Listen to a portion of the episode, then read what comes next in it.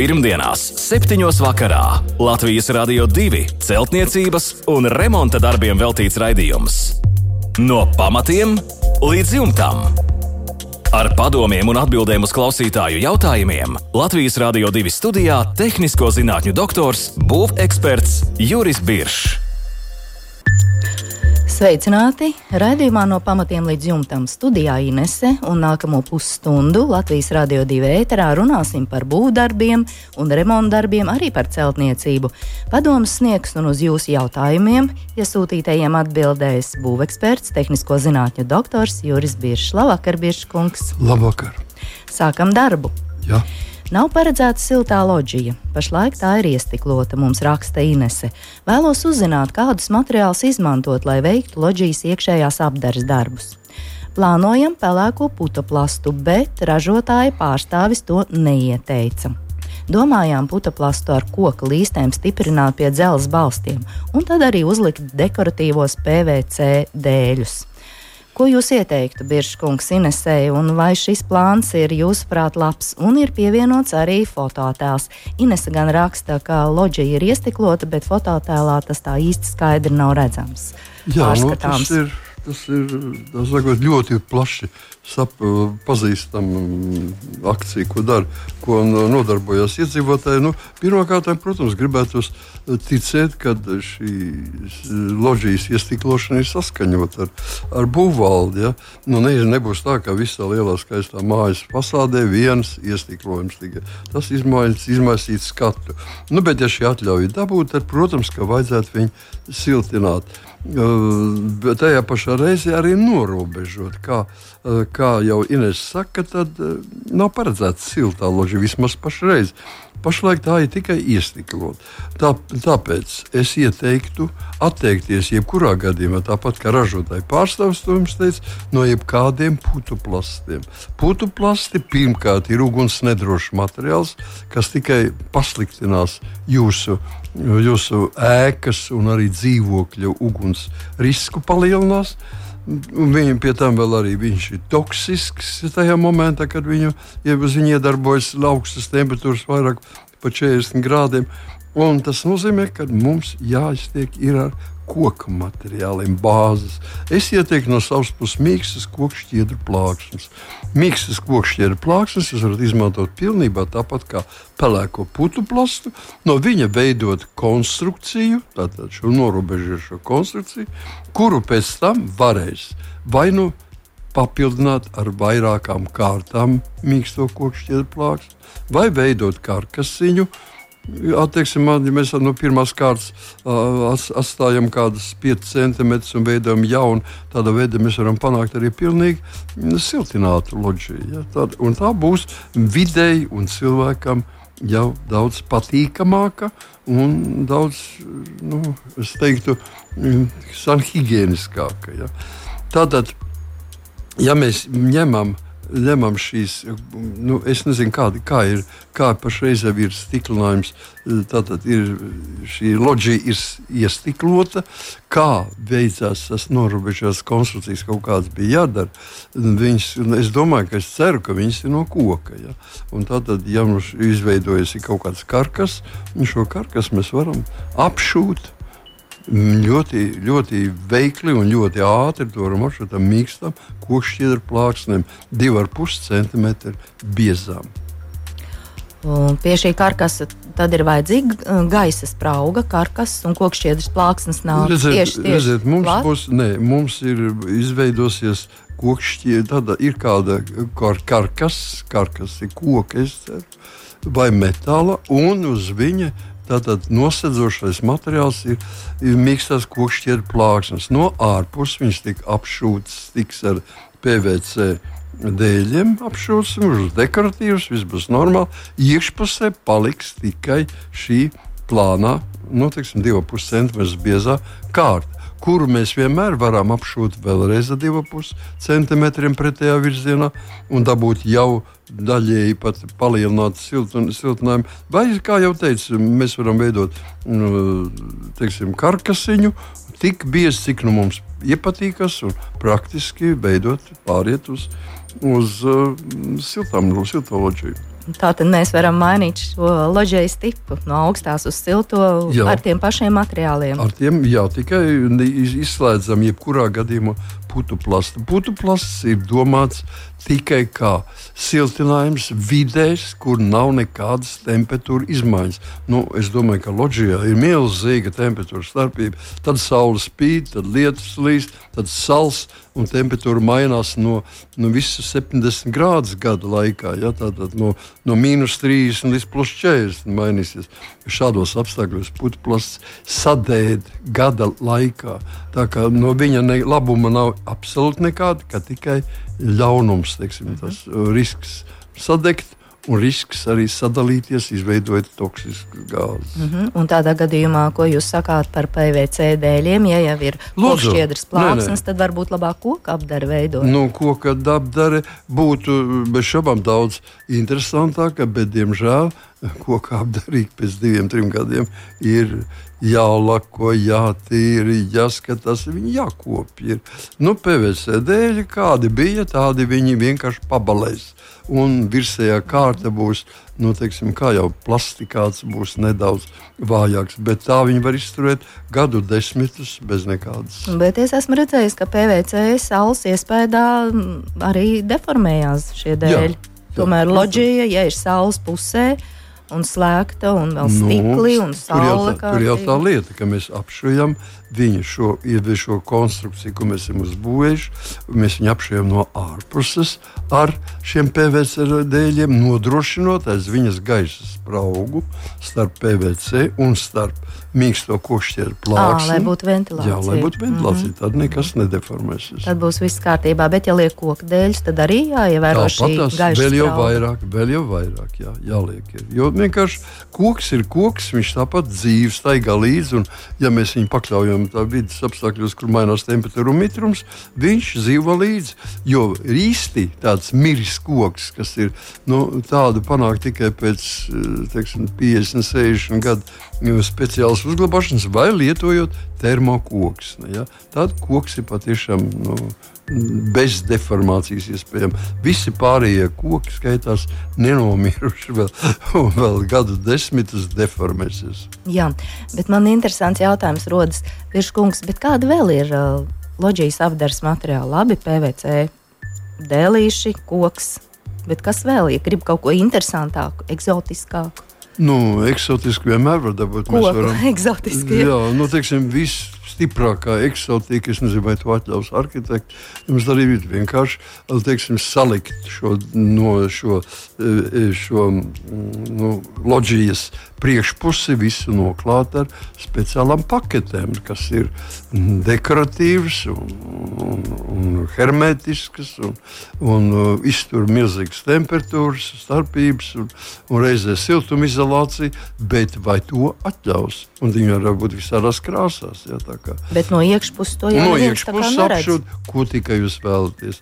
Ar, uh, pēc tam, kad ir izveidota šī mīkstā kokšķiedra plāksne, mēs varam viņu apmest, mēs varam viņu apšūt ar kādiem materiāliem, tikai kaut kādas zelta plāksnēm. Vienalga. Mm, no zelta plakstiem. Smagi būs, dārgi. Toties uh, pret radiāciju labi.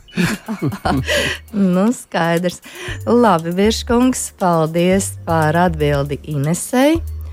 Savukārt uh, Aldis mums raksta, stāvbūve no ārpuses siltināta ar vati, sietu, līmjavu, dekoratīvo apmetumu, bet nav likta vēja plēve. Istabās ir liels mitrums. Ko darīt? Vai sienās urbt caurumus un likt ventilācijas caurules, vai darīt ko citu. Jā, nu, aizdomas saldiem ir par to, ka trūks ventilācijas, kas varētu būt viens no galvenajiem iemesliem. Bet es tikai gribu teikt, ka šī ārsienas siltinājuma konstrukcija, vates, sietas, līmjau, dekoratīvais apmetums un nav uzlikts ārējā kārtā pirms šī sieta likšanas, tātad uz vates nav uzlikta vēja plēve, tas neizsauks šo mitrumu. Ja? Tas ir ir mazs pārkāpums, kas varētu vairāk eh, draudēt ar to, ka šis apmetums var bojāties ja, laika vēju un lietas un saules iedarbībā, bet mazāk ar to, ka viņš radu, radītu lieku mitrumu. Liekais mitrums slēpjas sienas konstrukcijā. Ja tā ir stāvbūve, tad mēs nezinām. Stāvbūve tas nozīmē, ka viņai ir apšums no vienas puses, apšums no otras puses, vertikāls, un pa vidu ir kaut kāds siltinājums. Ja šīs siltinājums ir pavecāks, ļoti iespējams, ka tur izveidojušās ir sastāvušās tukšas vietas. Šīs tukšas vietas var pievākt piesūkties ar mitrumu, un tas gan dos mitrumu. Nu, tas siltinājums tā kā sakrities. Jā, saka, būt. dabīgi, ja tā ir ēka ar lielu pagātni, teiksim, tur vismaz 40, 50 gadu stāvēs, tad noteikti šis siltumizolācijas materiāls pie tā viņš vēl ļoti neefektīvs. Viņš ir izdeģi, kūdra varētu būt, nu, zāģis skaidrs. skaidrs nu, tur nekas cits vairāk nevarētu būt. Un tas nozīmē, ka, jā, ja viņš ir sakrities, parādās tukšs vietas. Tukša vieta ārsienā, ja tā nav ventilēta, ir mitruma avots. Bet kā to nokon varētu konstatēt, ka uh, šis siltinājums sakrties, nu, jātaisa caurumiņš? Nu, vai, tiem, nu, nē, no caurumiņiem mēs daudz ko ne, neatradīsim.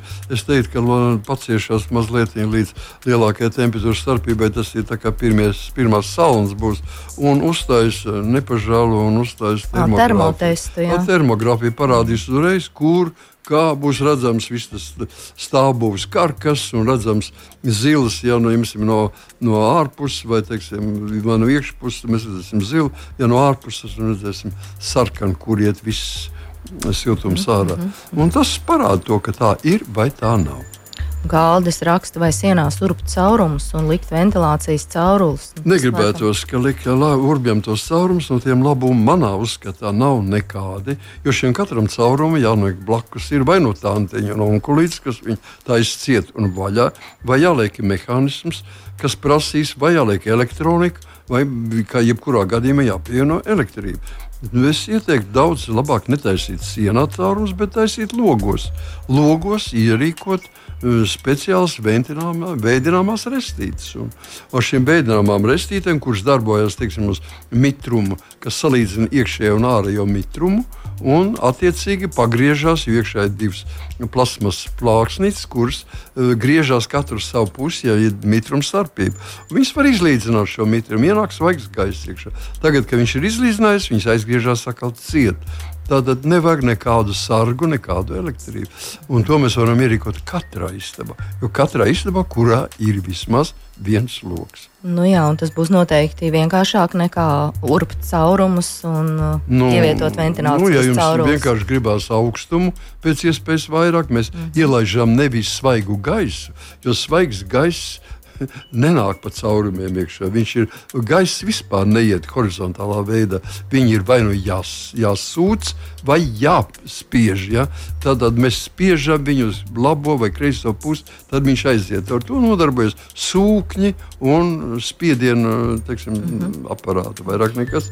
Bet, ja mums gribam paši to darīt, tad jāizveido ir uz kaut kāda principa, es iesaku ķīmisku principu, var izveidot arī uz gaisa teiksim, temperatūras principus, augstāk vai zemāk temperatūra. Mm -hmm. Un šīs ventilācijas restītes var ievietot gan koka vecajos logos, jebkurā, gan arī pakešu logos. Jebkurā, jūs vienkārši jebkura logu licēja firma, šodien es domāju, ka pilnībā jebkura logu licēja firma, kur tikai uzzinās par šīm restītēm, kas, mitrumu, mm, kas reaģē uz mitrumu, viņam tādas var atvest. Tas prasa pusstundas darbu, izveidot tur attiecīgus caurumus no iekšpuses un ārpuses, uzlikt virsū un atvērt slēdzi. Mhm. Ja jums nepatīk, aizveriet ciet, un viss ir tas pabeigts. Jā.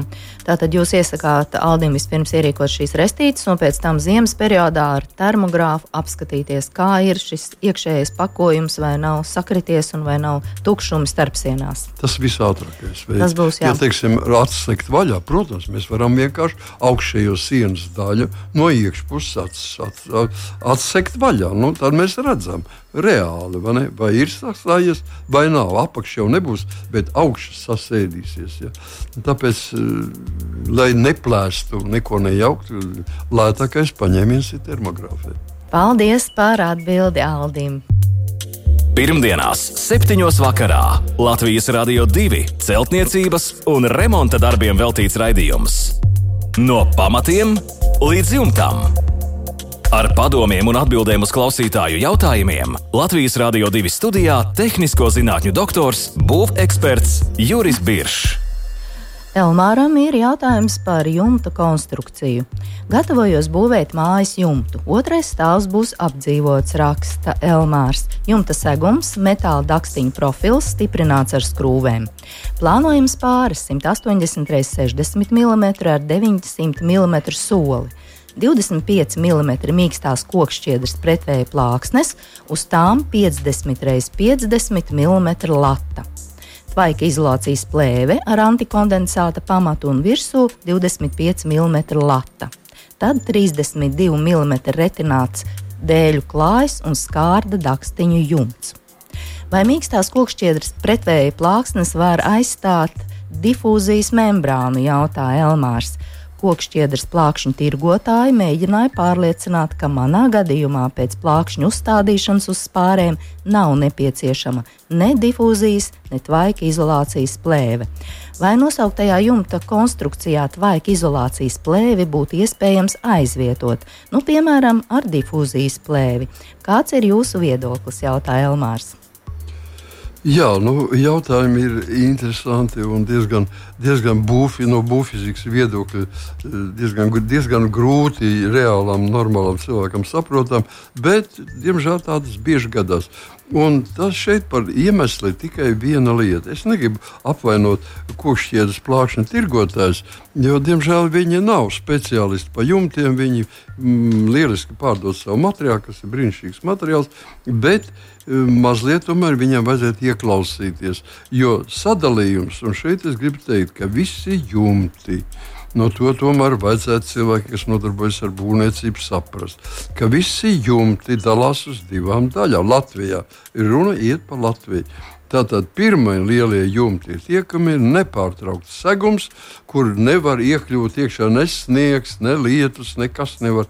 Nekādos gadījumos mums ir bitumeni, klāti jumti, mums ir teiksim, teiksim, nu, metāls ar valcēts metāls, mums ir Mums ir nu, jebkurš nepārtraukts segums, ja, plasmas jumts, kuros nu, nav nekādas šūnas. Mums tad tie prasa vienu jumta konstrukciju kurai mm, tiešām nevajag neko vairāk kā tikai teiksim, siltumizolāciju, vēja barjeru, gaisa spraugu un vairāk nekas nav vajadzīgs. Par mm, kurā nu, gaisa gaisa spraugā ienāk pie pašrobežas gaisa un pie kuras iet ārā. Bet Viss... šajā gadījumā ir metāla dakstiņa profils stiprināts ar skrūvēm. Tieši un tas tā. ir savādāk. Tas ir pilnīgi cita veida jums. Tas ir jums, kas sastāv no atsevišķiem gabaliņiem. Es nezinu, kāpēc tas tik grūti, bet tas ir tikai, es nemāju, nelieku izvēlēties visādas jumtas, bet ir tikai divi jumti Latvijā nepārtraukti, un tie, kas sastāv no gabaliņiem. Niedru jumti, dakstiņu jumti, metāls uz skrūvēm. Nu, es teiktu, nu, es pat nevaru iedomāties, kas tas ir tik saprotami? Tas ir tik saprotami, ka tas jums, kas sastāv no atsevišķiem gabaliņiem, vai jums, kas ir nepārtraukts. Tas viss ir tiešām bieži kungs saprotams, bet es domāju, ka šajā gadījumā iespējams, ka šis kokšķiedras plākšņu tirgotājs nezināja, nepainteresējās, lai gan nu, viņam jā, to vajadzētu, vajadzētu zināt. Vajadzētu gan. zināt. Tas ir labi, ka viņš vispār zina, ka ir vajadzīgs šīs plāksnes, jo viņas ir tiešām aizpildījušas šo vietu. Un atcerēsimies nākošo. Viena plēve vai teiksim, materiāls, kas tiek izmantots kā, kā difūzijas membrāna vai kā tvaikizolācijas membrāna, nevar būt universāls. Ja? Ir tādi materiāli, bet tie ir atsevišķos gadījumos, un tādus materiālus mēs pašreiz neapskatām. Ja? Tie ir pilnīgi savādāki materiāli, kuri var zināmos temperatūras apstākļos būt gan, silt, gan teiksim, difūzijas plēve, gan pēc dažiem grādiem viņi var būt arī tvaigizolācija. Tāpēc mūsu apstākļos ir jāņem vērā, ka nevar aizvietot nekādu tvaiku izolāciju, nevar aizvietot ne ar kādu difūzijas plēvi. Difūzijas plēvi, plēvi kas, kas laiž ārā uz āru visu, ko tikai vajag, tātad jūtu mitrumu un gaisu, bet no augšpuses viņi nelaiž iekšā. Ja, tas paliek noraso, it kā, it kā paliek. Tvaika, tātad, nu, teiksim, kā, kā vienkārši kā, ja mēs ņemsim mīkstos kokšķieru plāksni, piemēram, ja, un viņu mēs aizvietojam ar difūzijas plēvi, tad šī mīkstā kokšķieru plāksne laiž gan uz vienas puses, gan uz otras puses, bet tā viņa var pilnībā būt tas pats, kas difūzijas plēve. Mēs sakām, tā ir vēja barjera, ja, vēja barjera vai difūzijas plēve. Un tālāk, ja mēs gribam likt, šis jumts sastāv, kā mēs redzējām, jau no gabaliņiem. Tas nozīmē, ka zem šī jumta viegli iekļūst pulvera veida sniegs, mitrums, kāds teiksim, zināmās leņķī ejošs lietas vai kas tamlīdzīgs, kas nonāks zem jumta seguma materiāla un būs kaitīgi kaitīgs mūsu jumta konstrukcijai. Tāpēc mēs viņu uztveram ar tvaikizolācijas plēvi, ar antikondensāta pamati. Vienīgais. Tāpēc es uzskatu, ka Elmars ir nosaucis to konstrukciju pilnībā pareizi. Ja? Tā kā viņš teica, tā viss šī konstrukcija ir pareiza. Tikai mēs nevaram aizvietot tas, ko teiksim, kokšķieru plāksni tirgotāji mēģina panākt, ka, ka pietiek ar vienu tikai mīksto kokšķieru plāksni un ka nekādas tvaikizolācijas šeit nav vajadzīgas. Tā ir sen jau tā sakot, iz, nu, sakot, izdzīvota teorija no Vācijas puses. Vācieši, jā, viņi saka, ka nevajag, bet padomājiet, kāda apstākļa Vācijā. Kādu apstākļu tur šodien tur sausumā cilvēki mirst nost, slapjumā viņi tur slīgs nost, un tā ir pilnīgi citas apstākļi kā Latvijā. Ja? Tāpēc Latvijā, Vācijā nekad nebūs savs mm, teiksim, savs pulvera veids sniegs. Nekad nebūs tāds. Ja viņš būs tik maz, ka nav nekāda jēga viņam tur. Tāpēc Latvijas apstākļos lūdzu liekam zem tātad, šo antikondensācijas plēvi ar antikondensāta pamatni. Viņa uztvers kondensātu, uztvers sniegu un novadīs to, izvadīs no jumta ārā, novadīs to teknē. Tā ir konstrukcija, pareiza konstrukcija. Zem viņas atrodas gaisa otra šķirkārta, gaisa, kur pie pažobeles gaisa iek, iekļūst iekšā, iet uz augšu pa šo kanālu, pa šo gaisa šķirkārtu, iet līdz korei un tur viņš iziet ārā. Tā kā divas dažādas kustības un divas dažādas mm, būvfizikas mm, šķirtnes. Es teiktu, ka, ja mēs to neizmantojam, tad mēs varam nonākt pie ļoti nepatīkamiem rezultātiem. Gaisa sprauga var piepildīties ar sniegu, var aizsalt. Var saplēst mehāniski jumtu. Nu, man negribas pat tālāk teikt, kas var rasties. Tāpēc kokšķieru plāšana tirgotāju, e, tirgotājiem būtu mazliet jāpaskatās Latvijas klimatiskie apstākļi un kādi jumti veidojas ja mēs šajos apstākļos izmantojam viņu materiālus. Jā, paldies, Biržkungs, par atbildi Elmāram. No pamatiem līdz jumtam. Dzīvoklī uz betona sienas pirms vairākiem gadiem uzlīmētas putekļa loksnes, jo blakus dzīvoklī jau vairākus gadus neviens nedzīvo, un tātad tas netiek apkurināts. Mums raksta Ilze. Diemžēl siena sāka pelēt, putekļu noņēmām, bet nevaram nekādi nokasīt līmes kārtu. Mēģinājām ar skrāpi, slīpmašīnu, acetonu. Nekas nelīdz. Ko darīt, ko izmantot? Varbūt var atstāt šo līnijas kārtu. es teiktu, ka tas būtu visprātīgākais. Redziet, tā lieta ir nepatīkama. Tā ir betona siena. Un betona siena jau otrā pusē cilvēkiem ir, mm. ir kaimiņš, kas nedzīvo šeit dzīvokļi. Tātad praktiski viņi uzskatām par ārsienu. Un šis uh, betons starpā ir milzīgs siltuma noņēmējs. Ilzē. Ja, tas, tā, tas nozīmē, ka kad, nu, tā, šī siena ir siltināma. Diemžēl sākotnējais siltinājums ar putu plasmu ir galīgi nepildi, nepieņemams. Tāpēc mums ir jāsiltina ar mīkstām kokšķieru plāksnēm, vai vislabāk mums jāveido ir karkasiņš. Tātad es ieteiktu izsist tik tālu, lai var uzveidot vertikālu karkasu, nu, ik pa 60 centimetriem, ne, nemocoties ar pārējo daļu un piepildīt viņu ar ekovāciju un nosegt ar miksto kokšķieru plāksni, lai būtu, nebūtu nekādas atstarpes.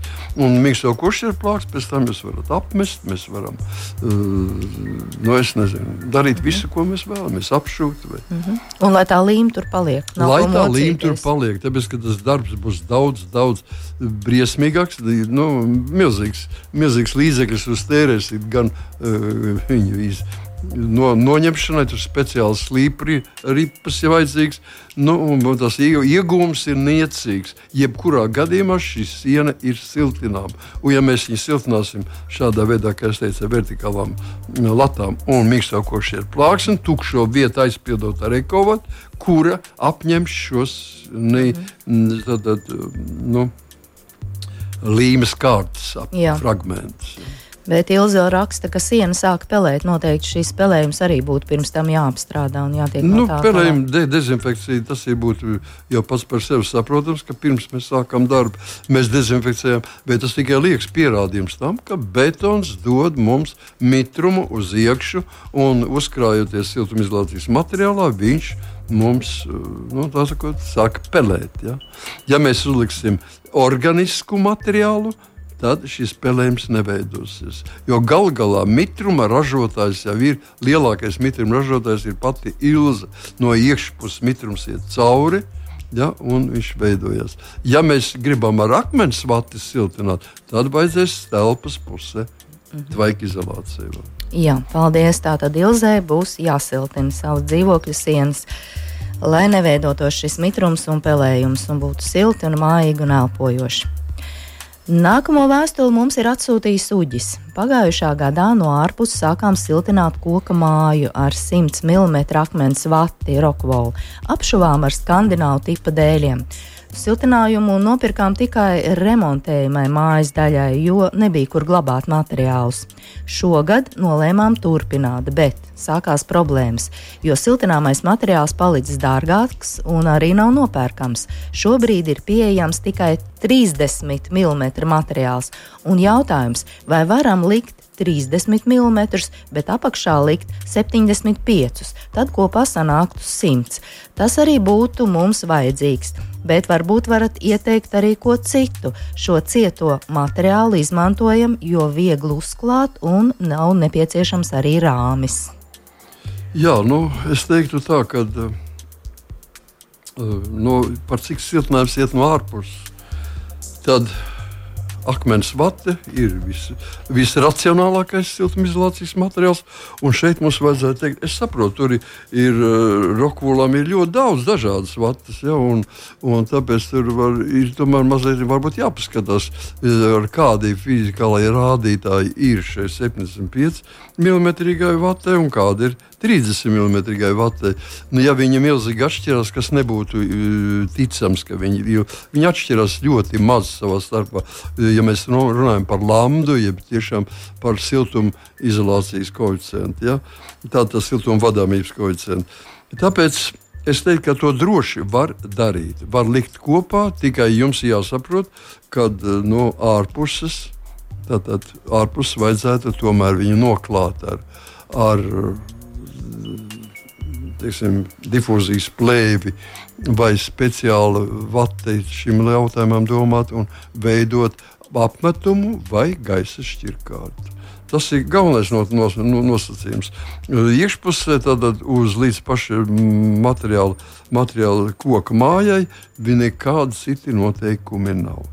Ja tomēr rodas kaut kādas aizdomas, un jūs jebkurā brīdī varat savu koku māju no iekšpuses ārsienas, tikai ārsienas, notapsēt teiksim, ar mīkstā kokšķietu plāksnēm, 25 mm. Tas būs, tas būs ļoti palīdzošs paņēmiens. Mhm. Paldies par atbildi Uģim! Un līdz ar to arī šovakar mūsu raidījums tuvojas izskaņai. Atgādināšu e-pasta adresi remonds at lr2.lv. Sūtiet jautājumus, vēlams pievienojiet arī fotoattēlus, lai saņemtu pilnīgāku un detalizētāku atbildi. Jautājumus varat iesūtīt arī caur mūsu Latvijas radio divi mājaslapu un esam arī populārākajās podkāstu straumēšanas vietnēs atrodami. Šovakar Biržkungs, liels paldies jums! Tiekamies pēc nedēļas, lai visiem jauks, mierīgs vakars! Visu labu! Pirmdienās, 7. vakarā Latvijas Rādio 2 celtniecības un remonta darbiem veltīts raidījums. No pamatiem līdz jumtam. Ar padomiem un atbildēm uz klausītāju jautājumiem Latvijas Rādio 2 studijā - tehnisko zinātņu doktors, būveksperts Juris Biršs.